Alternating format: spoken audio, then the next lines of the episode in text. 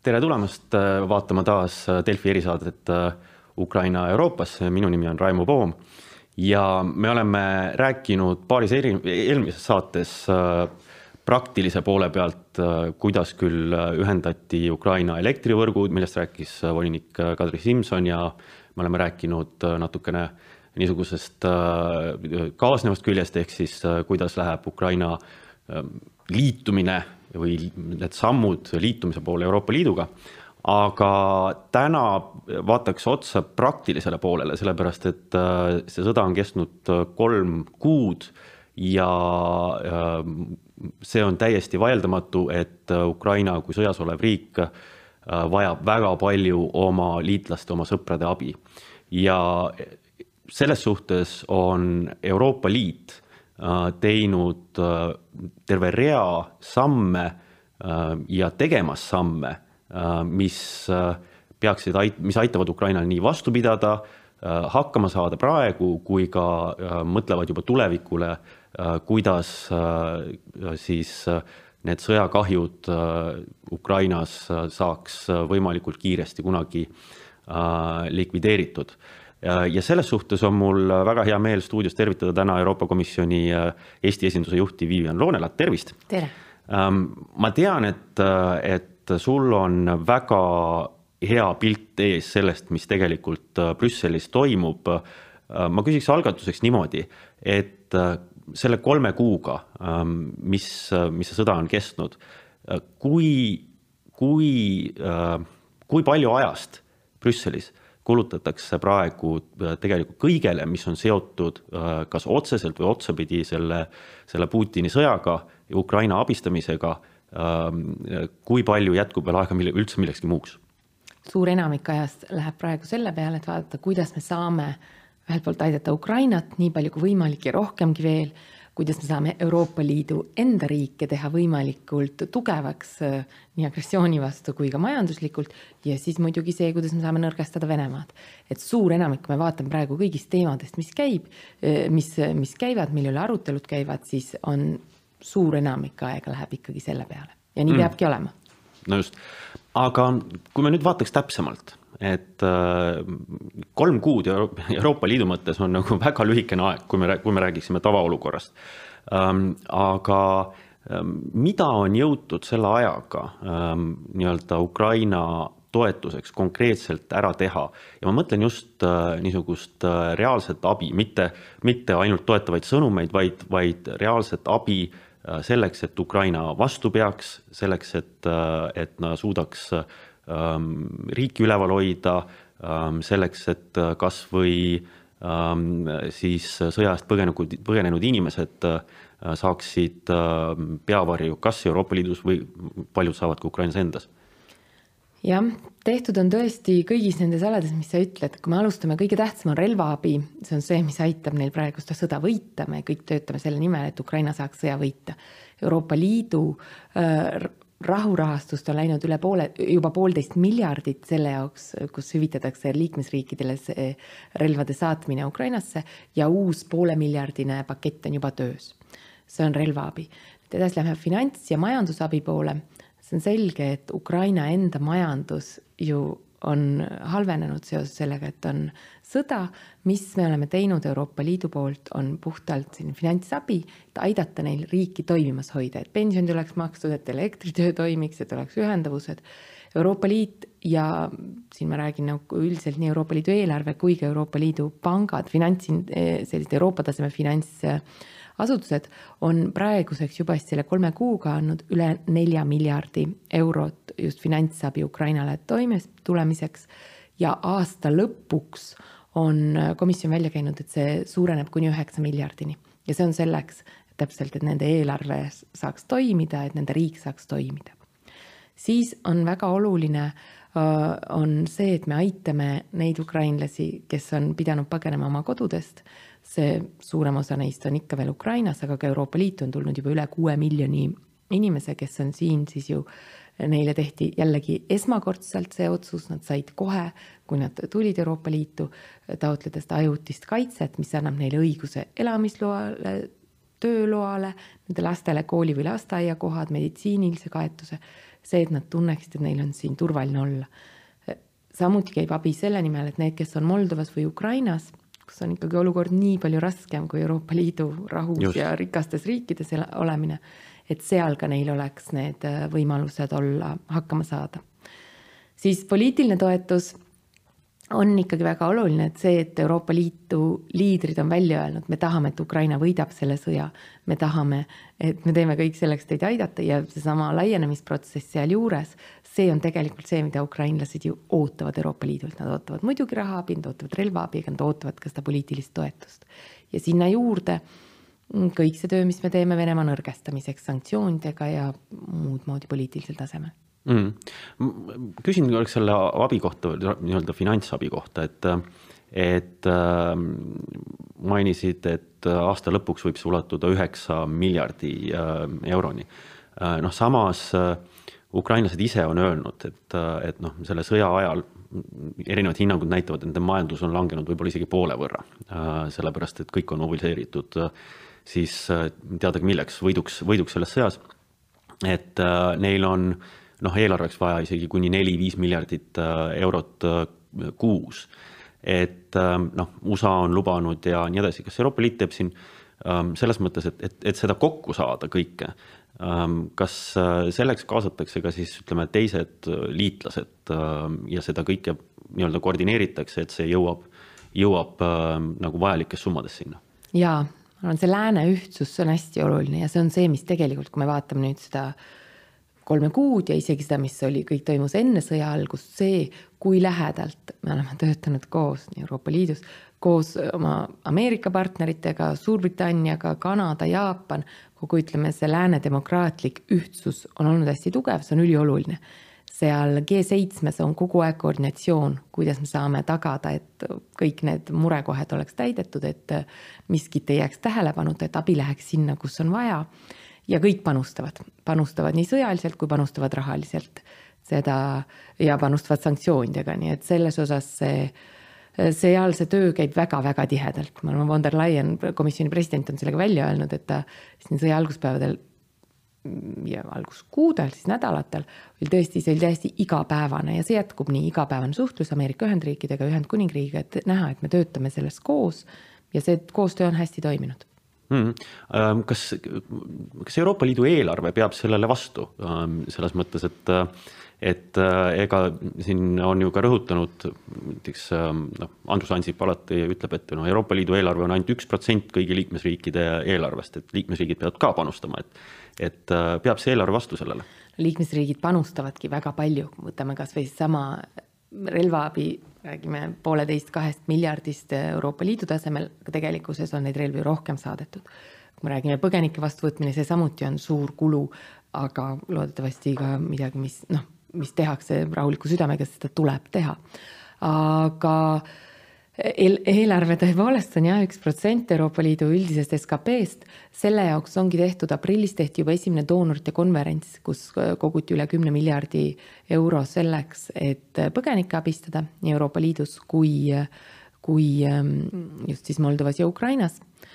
ja, ja samamoodi on juba alustatud tööd sellega, et äh, kuidas seda Ukrainat toetada, seal oli doonorite konverents ka nüüd hiljuti ja jätkub töö, kui me läheme ülesehitamise poole, siis muidugi see peab kõik koos tegema, seda ei saa ehitada ainult Euroopa Liidu eelarvest, see on täiesti selge. Mm,. just. Ülesehitamine on, on üks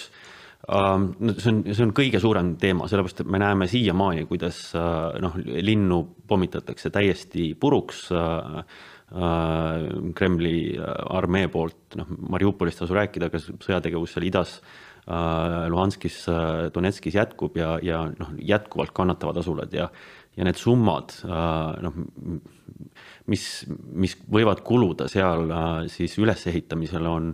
on tohutud ja noh, me räägime ikkagi sadadest miljarditest arvatavasti. et noh, neid ideid on nüüd päris palju erinevaid, et kuidas seda kõike nagu, nagu võiks siis äh, planeerida või kuidas seda kokku saaks. Äh, sest et Ukraina üksinda ei saa sellega kindlasti hakkama. muidugi, muidugi ei saa ja ei peagi saama. et see on, ülesehitamine on kindlasti koht, kus Ukraina peab tundma, et ta ei ole absoluutselt üksi, vaid jällegi tugev lääs on tema selja taga ja me teeme seda koos. loogiline ju on, et Euroopa Liit võtaks seal juhtrolli, ta on ikkagi meie naaber, meie, äh, meie piiririik seni veel. Ja, ja see ja ka selles osas on töö alust, töö on alanud, et ähm, komisjon on välja tulnud juba oma plaanidega, kuidas seda ülesehitamist ähm, läbi viia, see tuli pärast eelmist ülemkogu arutelu, kus liikmesriikide valitsusjuhid seda küsisid. ja eesmärk on see, et tõepoolest isegi kui Euroopa Liit ja, ja Ukraina võtavad seal koos need juhtohjeid, see peab käima koos Ameerika Ühendriikidega, Kanadaga ja kõigi muude selliste juhtivate tööstusriikidega. Äh, erinevad variandid on, üks osa on tõesti raha, mis läheb Euroopa Liidu eelarvest, on raha, mis läheb liikmesriikide eelarvest, on kindlasti erasektoril väga palju panustamist samuti. aga komisjon on välja tulnud ka ettepanekuga, et äh, neid oligarhide ja Vene kurjategijate ja riigi külmutatud varasid saaks ka konfiskeerida ja kasutada selleks, mis on jällegi ülimalt loogiline, et me peame ju äh, kasutama ka agressorriigi varasid selleks, et seda kahjut, mis nad seal teinud on, hüvitada. praeguseni on olukord nii, et Euroopa Liidu tasemel õiguslik alus, see on alati hästi oluline, seal on igaks asjas õiguslik alus, õiguslik alus lubab äh, külmutada oligarhide ja Vene agressorite varasid. komisjoni ettepanek oli, et lähme edasi, teeme ka konfiskeerimist, mis mõnedes liikmesriikides juba toimib, näiteks äh, Äh, Itaalias, neil on oma maffiaprotsessidega see kogemus olemas, nad kasutavad ka seda äh, konfiskeerimist ja siis äh, millekski heaks selle raha ärakasutamist. et need arutelud nüüd algavad ähm, järgmisel ülemkogul kindlasti valitsusjuhid võtavad sellise üldise arutelu, aga lõpuks on see selge, et see on selline täpne juriidiline töö, mis tuleb ära teha, et see oleks võimalik mm.. aga muidugi, kui me räägime külmutatud varadest, mis on Euroopa Liidus või ja meie partnerite juures, siis jah, see peab leidma oma tee samuti Ukraina ülesehitamisse. Mm.. see on, see on äh,, muidugi oleks nagu väga julge samm, et äh,, et lihtsalt need äh, külmutatud varad siis ka konfiskeerida äh, üle Euroopa, et, et äh, kuidas, kuidas, kas see, kui kaua võib võtta see, et, äh, et ütleme, kui komisjon on teinud selle ettepaneku niimoodi, et see nagu kokku lepitakse Ehm, noh, Euroopa Liidu masinavärk võib, võib teinekord päris kaua aega võtta. võib, aga kui me vaatame, kuidas Euroopa Liidu masinavärk nüüd kolme kuuga toiminud on, siis nii kiiresti, kui neid otsuseid on tehtud, me ei ole keegi kunagi näinud, seepärast me ei olegi ennem elanud sõja ajal. et siin ei ole, ma ei julge midagi ennustada selles osas, aga sest see ongi praegu nii ennustamatu, kui kiiresti asjad tegelikult toimivad. aga kui see nüüd on ettepanek tehtud, kui liikmesriigid selle üle arutavad, siis sealt võib edasi minna võrdlemisi kiiresti, aga see peab olema, ikkagi me toimime õigusriigis, meil on oluline, et kõik need otsused, mis me teeme, oleks kohtus kaitstavad ja see on see, kus nüüd juristid peavad maha istuma ja vaatama, et seda õigesti teha mm,. sest on, on tehtud ka teisi ettepanekuid, äh, noh näiteks nendesamade äh, energiakandjate, et, et, et niikaua, kui me peame neid veel ostma äh, või, või Euroopa Liidus on, on, ei leia alternatiive kiiresti, et et ka neist võiks midagi pudeneda siis sinna sellesse ähm, fondi või, või, või kuidas iganes spetsiaalsele arvele, äh, mille eest siis Ukrainat äh, hiljem toetada. kas need ettepanekud on praeguseks nagu kõrvale jäänud või on need ikka kuskil nagu arutelul? arutelul on, seepärast selge on ka see, et äh, kui me vaatame neid energiahindu, siis juba eelmisest aastast oli näha, kuidas nad hakkasid tõusma üsna siis kunstlikult muidugi jälle meil see uurimine alles käib, et näha, kuivõrd see turg on manipule-, manipuleeritud, aga seda, seda on juba korduvalt välja öeldud, et see oli. et idee, et maksad aina edasi nende kunstlikult kõrgemate hindade eest, see, see jällegi majanduslikult ei, ja ega ka poliitiliselt ei ole ju, ei ole ju õige. Ja töö selle üle käib, et kas seal panna mingi hinnapiirang, kas eraldada mingid summad, nii nagu oli äh, Äh, kuidas see escrow öeldakse. eriarve oligi see. eriarvele ja nii, et see, need, need asjad on endiselt arutelud ja ma arvan, me näeme seda nii järgmisel ülemkogul kui ka veel juuni ülemkogul. ühesõnaga, ma lihtsalt igaks juhuks ütlen vaatajale selgituseks, et äh, viitasid sellele Kaja Kallase ideele, mis, mis esialgu väga ei lennanud, aga ma saan aru, et äh, see on idee, et siis nafta müügilt teatud summa peetakse kinni ja, ja hoitakse siis tallel Ukraina jaoks, et et aga ma saan aru, et arutelud jätkuvalt käivad kogu aeg otsitakse, mis on need kasulikud asjad, mida me saame ära teha, kus meil on võimalus juriidiliselt seda teha, poliitiliselt seda teha, et me no ühest küljest ei toetaks Ukrainat, teisest küljest ei kahjustaks omaenda majandusi no,. see on, sellel on jumet no Euroopa Liidu nagu põhiolemus on ikkagi ühisturg ja, ja majanduse edendamine, kõikide riikide majanduse edendamine, et, et, et ettevõtted saaksid tööd teha, tarbijatel oleks võimalikult head hinnad ja nii edasi. Ähm, nüüd ma saan aru, on, et kuigi Ukraina majandus on, on langenud, siis äh, ega ta ei ole päris ära, äh, ära kadunud ja nüüd on komisjonist tulnud ettepanek, et, et äh, Ukraina võiks erakorraliselt nii-öelda Ukraina tooted, kaubad võiks erakorraliselt lubada Euroopa Liidu turule ilma igasuguse tollita. Ehk siis noh, peaaegu nagu Euroopa Liidu enda kauba, võiks vist niimoodi öelda.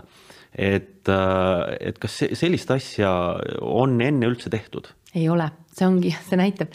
see on enneolematu, olukord on enneolematu ja need sammud, mis me teeme, on enneolematud, seal tõepoolest meil on lätlasest asepresident Valdis Dombrovskis, kes tegeleb kaubandusküsimustega, kes, kelle, kes selle ettepaneku tegi, kaot-, anda tegelikult Ukraina toodetele täielik ligipääs Euroopa turule, ühisturule, ei ole ei kaubanduspiiranguid, ei tollitariife. Ja see on juba vastu võetud, seal läks paar nädalat ja see võeti vastu. see on midagi sellist, me mäletame ise seda uudistest, kuidas me aastate kaupa on kaubanduslepingud, millega Euroopa Liit tegeleb, arutatakse kvoote, arutatakse tingimusi. nüüd me räägime riigist, mis on meie piiril, kus on nelikümmend miljonit eh, inimest, kus on siiski suur tööstusriik, hoolimata sellest sõjast ja ja, ja see otsus võeti vastu niiviisi, et see tehti ära ja nüüdsest ongi neile, nende kaupade ligipääs on on siis nii tolli kui tariifivaba, mis muidugi on seal ja see tähendab, et tegelikkuses neil ju tööstustoodang ikka endiselt äh, toimib. vist ka nüüd just viimastel päevadel tuli äh, välja uudis, kuidas Zaporožjes juba terasetööstus äh, taastatakse ja me räägime Zaporožjest, mis on nii ligidal rindejoonele. Ehm, ja, ja, ja muidugi nende vilja ja põllumajandustööstus on see, kus, kus on kõige suurem praegu see murekoht, sest mm -hmm. selle mõju on globaalselt niivõrd palju laiem, et meil on vaja teha kõik, et see vili pääseks sealt Ukrainast välja, aga selleks on oluline, et nad saaksid kasutada Euroopa Liidu liikmesriike selleks transiidiks ja et see tehtaks võimalikult kiiresti. no põllumajandus on ju täiesti Euroopas nagu, nagu niisugune peaaegu aiaga piiratud äh, teema, et kas Euroopa põllumehed ei ole selle peale näppu püsti tõstnud, et, et tulevad konkurendid ei ole tegelikkus. Konkurents vist selles mõttes mitte nii kõva, vaid asi on ikkagi, see küll kõlab suurelt, aga see on mingil määral ongi maailma päästmine, et me ei saa lubada, keegi ka Euroopa põllumehed kindlasti ei taha seda, et meil oleks vaesemate riikide nii-öelda kolmanda maailma riikides nälg ja näljahädad, kes väga paljuski toetuvad sellele Ukraina viljaaidale, et Ukrainast enne sõja, enne sõda tuli iga kuu viis miljonit tonni teravilja välja. nüüd me räägime palju kordades, kordades väiksematest ähm, suurustest ja meil on vaja nüüd järgmise kolme kuu jooksul tuua Ukrainast välja kakskümmend miljonit tonni teravilja, selleks et need saaks ka oma sügisese külvi kuskil hoida ja sügisel siis juba järgmised viiskümmend miljonit tonni ja selle kallal ka töö käib. aga see ongi üks, üks kõige keerulisemaid küsimusi seal, et äh, mida Ukraina on ju ka öelnud, et äh, nende sadamad on blokeeritud äh, Nad ei saa sadamate kaudu vedada, noh, mis on tavapärane viis väga suurte koguste vedamiseks. ja noh, sõja me teame, et, et tegelikult kogu siis Ukraina äh, abi, mis sinna suundub äh, või, või teistpidi sõltub äh, ühendustest, mis on siis äh, Ukrainal Poolaga, Moldovaga, ähm, ka Ungari ja vist Slovakkia on seal. aga noh, need on, need on ähm, enamasti raudteeühendused, teeühendused, mitte just väga modernsed ja nende läbi, läbilaskevõime on lihtsalt nagu väga piiratud et äh, kas, ähm, kas seal äh, ei ole võimalik nagu kiiresti tõsta sisuliselt nende ühenduste, ühenduste mahtusid, et et siis äh, nii see vili kui ka näiteks siis muu kaup, noh, teraski vajab ikkagi väga ähm, häid ühendusi, et, et pääseda sealt välja, et, et seda saaks teha. Seda peab tegema, seal ei olegi mingit valikut, seda peab tegema, komisjon on omalt poolt välja tulnud nende punktidega, mida liikmesriigid peavad ära tegema, et see oleks võimalik ja see ongi ühelt poolt just nende tollipunktide ja piiripunktides läbilaskevõime suurendamine, ähm, kogu logistika parem ja kiirem korraldamine, mm, mis puudutab kas siis maantee või raudteetransporti ja, ja, ja üldiselt nende teede avamine selleks transpordiks, et see on ülioluline, sellega töö käib, ka seda, kui me vaatame nüüd äh, mai lõpus äh, ülemkogu, kus liikmesriikide valitsusjuhid ja riigijuhid kohtuvad, seal tuleb see üheks suureks teemaks, kuidas seda, kõik on aru saanud, et see on midagi, kus me nüüd ei saa lasta enam nagu ei ole, see ei ole valik, et me midagi ei tee, me peame tegutsema, sest see on laiem kui ainult Ukraina ja Euroopa, see tähendab ka meie partnereid Lähis-Idas, Aafrikas, kes vajavad, reaalselt vajavad seda vilja sealt ja me ei saa lasta Venemaal ühelt poolt varastada või hävitada seda Ukraina vilja ja põllumajandussektorit, nii nagu nad teevad seda praegu mm. -hmm. Uh, no, teemasid on jätkuvalt väga palju õhus, mida, mida saab uh, ja mida peab tegema ja kus otsitakse lahendusi ja ja ega mul ei ole muud, kui uh, tänada sind ja siis um, pidada nii-öelda Äh, pöidlad pihus, et, et kõik see õnnestub, sest et äh, aeg surub peale. Äh, et, et vili saaks Ukrainast välja, et Ukraina seisaks püsti ja nii edasi. aitäh, Vivian Loonemaa tulemast meie stuudiosse täna ja Delfi erisaade Ukraina Euroopasse on eetris juba järgmise teemaga natukese aja pärast. aitäh kuulamast, vaatamast